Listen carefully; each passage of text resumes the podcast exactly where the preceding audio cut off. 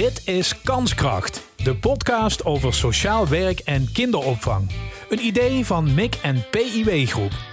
Ik ben Ruud Kleinen en vandaag praat ik met... Olga Middendorp, eh, kunstenaar en pedagoog. En met?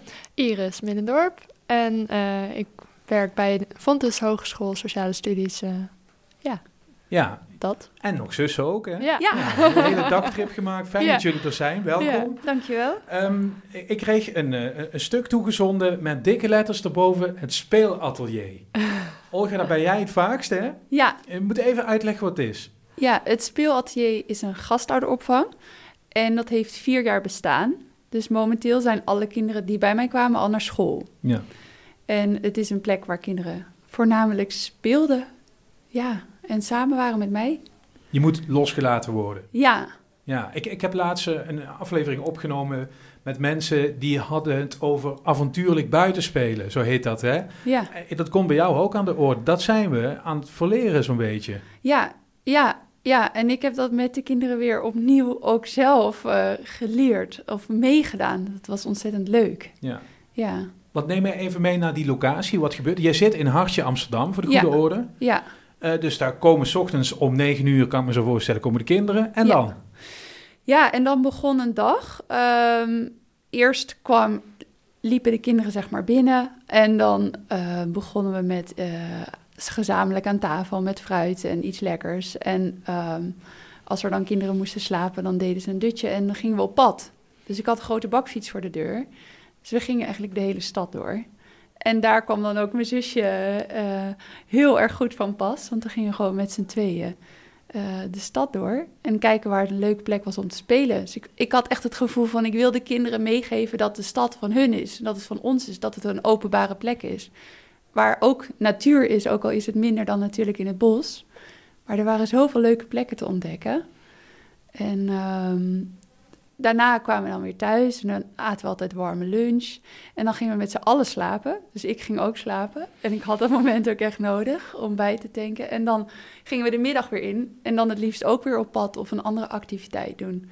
En aan het eind van de dag kwamen de ouders tussen vijf en zes. Ja. Ja, en dan had ik allemaal voldane kinderen die dan weer naar huis gingen. Wat een avontuur, joh. Ja. ja iedere dag weer. Ja, het was echt een avontuur. Ja, want Ja. Iris, vertel even, hoe, jij komt er dan bij op het moment dat we met z'n allen naar buiten gaan. Ja. En dan gaan jullie samen onderling bepalen wat het wordt of zo? Of is het al voorbereid? Hoe moet ik dat zien? Nou, in principe was het zo, Olga die had gewoon de lead. Zij draaide eh, het speelatelier en ik studeerde in die tijd nog. En ik vond het gewoon heel erg leuk om ja, te kijken hoe dat ging. En te kijken waar ik zo nodig bij kon dragen. Of gewoon even samen lekker lunchen. Of dan zei Olga, kom we gaan naar deze speeltuin. En er was natuurlijk keuze uit duizend en één speeltuinen in de stad. Dus er was altijd wel een plan. En dan ging ik gewoon mee. En ja, kinderen hebben altijd aandacht nodig. Dus die vonden het gewoon fijn, ook als ik dan langskwam. En ja, we samen konden gaan ondernemen. Dus dat was een beetje mijn rol, support en aan de zijlijn. En uh, ja, meedraaien met hoe de dagen verliepen. Ja. Ja. Uh, jullie, jullie leunen eigenlijk op een, een antroposofische gedachtegang. Hè? Kan, kan je Ja. een beetje uitleggen, Olga, hoe dat werkt? Ja, ja ehm, met respect voor mens, dier en natuur. Dat vond ik heel belangrijk. Ik vind dat mooi dat dat in een pedagogische visie samenkomt. Want dat, daardoor kan je natuurlijk een heleboel elementen samenbrengen. Ook in hoe je met kinderen omgaat. Dus dat je biologisch eet en dat je jezelf met goede voeding voedt. Dus daarom kookte ik ook altijd warm eten. Of dat bereidde ik voor 's ochtends, voordat de kinderen kwamen. Of we deden het samen. Dus er was altijd een warme lunch.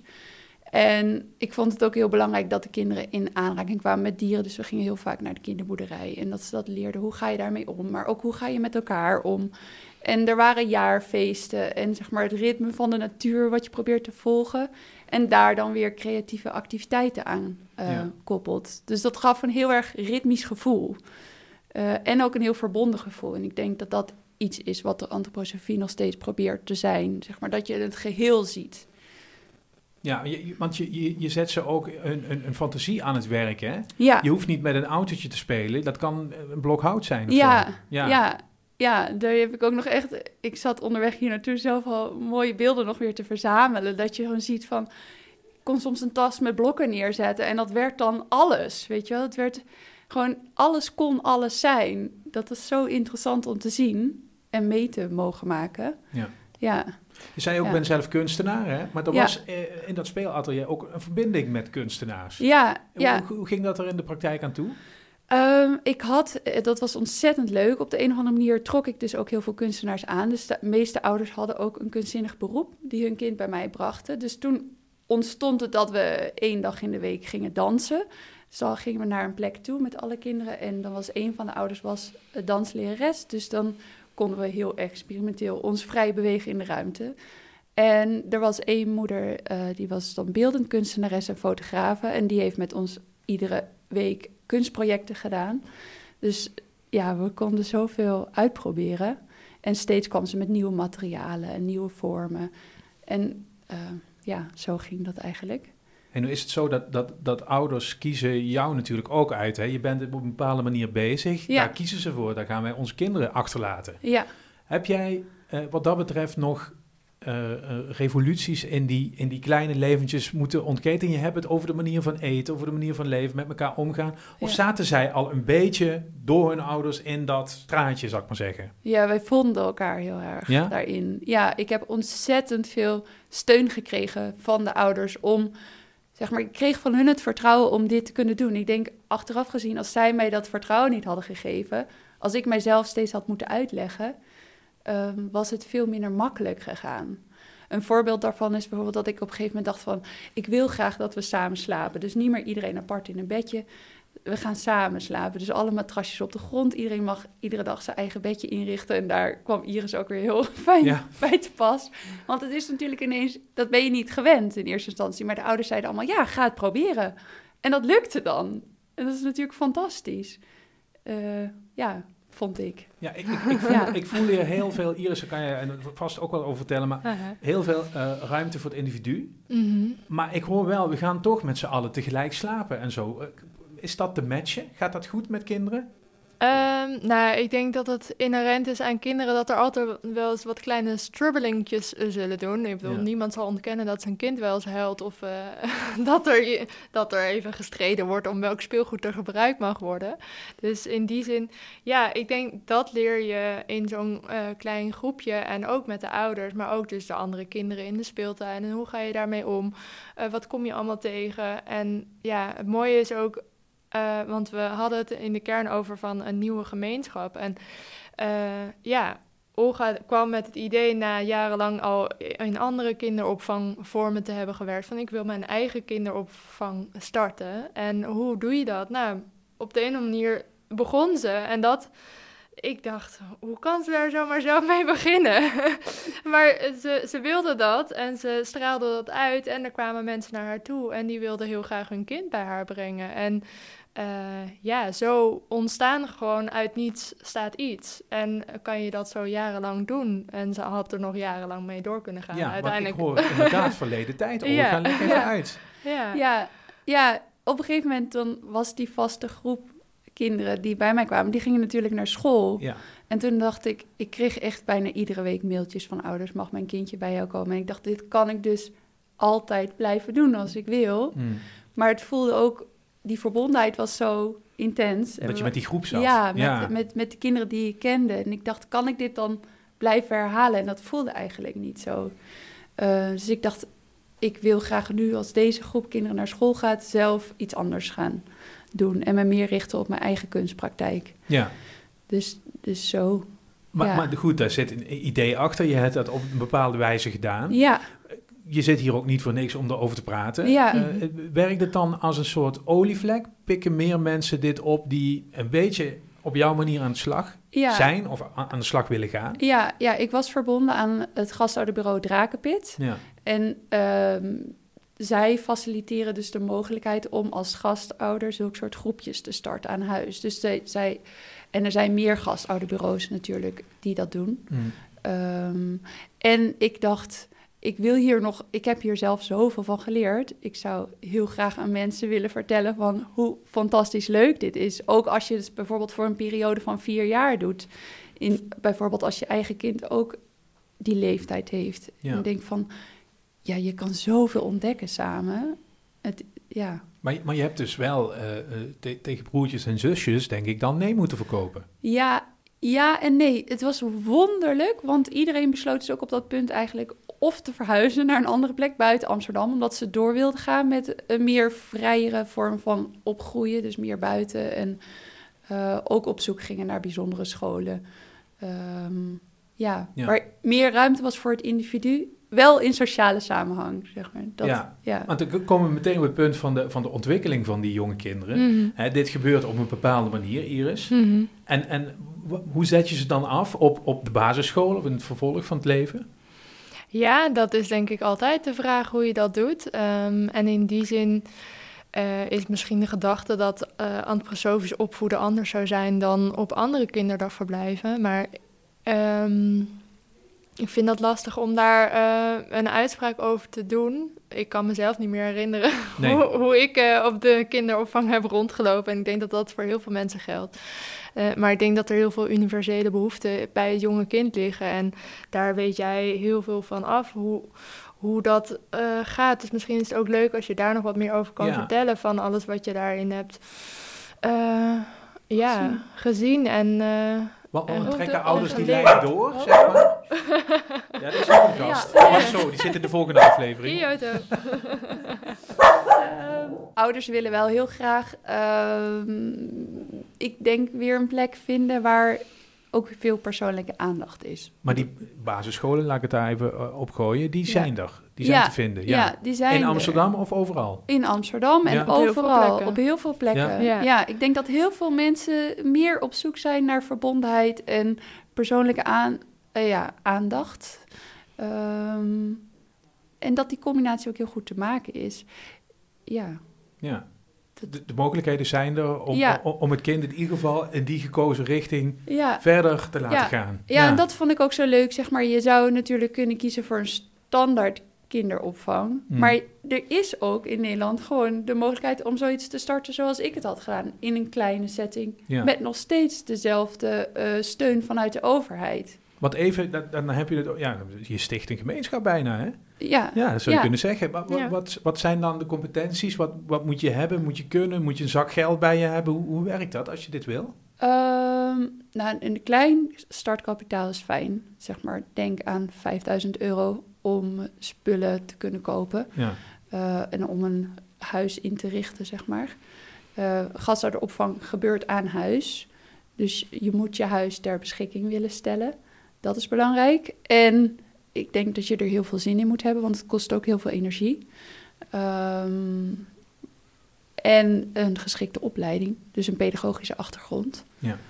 Eh, ja, dat. En buiten? Ik bedoel, je ging Ja. de stad in. Ja. Maar er was achterom ook eh, wat te beleven, hè? Ja, ja, achter in de tuin wa- waren ateliers voor kunstenaars. Ja. En dan was er dus een klein gedeeld tuintje.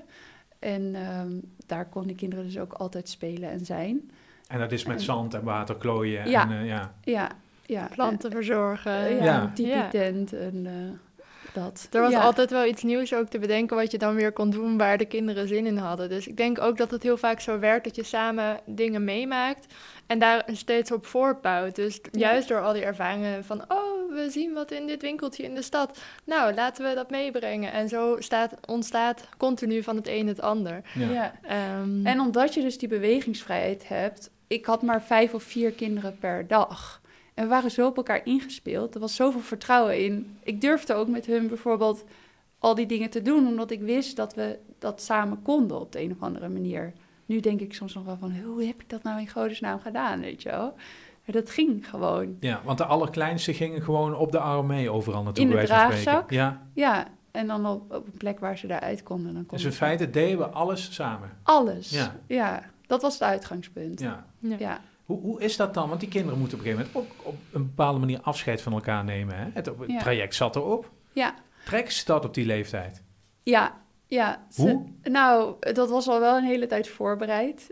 En, en ze- een heleboel van de kinderen spreken elkaar ook nog steeds. Ja, En ik ook. Dus ik ben ook nog, bijvoorbeeld met kerst was ik bij een van de gezinnen op bezoek. oké. Ja, Dus dat is wel heel hecht. ja, En je hebt een laptop voor je neus staan Ja. met afbeeldingen. Je, je hebt er een paar die, dat kunnen we, het is een podcast hè, maar we gaan Ja. het eh, gewoon beschrijven om, om een beetje de essentie van dat speelatelier te pakken. ja. Ik, eh, ik kijk even mee, dan moeten we even om het hoekje buigen, maar dat komt goed. Ja, kijk aan.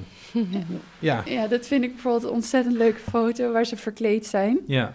Dus eh, ik had gewoon een hele grote kist met verkleedkleding, maar ook kleding van mij die ze fantastisch vonden. En wat ik ook heel leuk vind om te laten zien, is hier we hadden dus een moestuintje eh, waar we iedere week ook heen gingen. ja. En dan namen we dus ook de matrassen mee. Ik zie het, ja. Dus ze liggen Ja. daar volgens mij te slapen zelfs daar op Ja. de eerste foto. Ja. Ja. en dan konden ze daar dus ook een dutje doen als ze moe waren. En dat, was, en dat ging gewoon. Ja. Dat is zo leuk. En hier ook, dan laat ik ze bouwen met enorme planken en bakstenen. En je zou kunnen denken, dat is gevaarlijk, dat zou je niet moeten doen. Maar omdat ik kon zien dat ze dat aankonden, ging dat ook goed. Dus Ja, en de begeleiding is natuurlijk, als je met een kleinere groep bent, redelijk intensief. Er Ja. kan eigenlijk niks gebeuren. ja, Ja. Nee. ja, en omdat ik er de hele tijd onderdeel van Ja.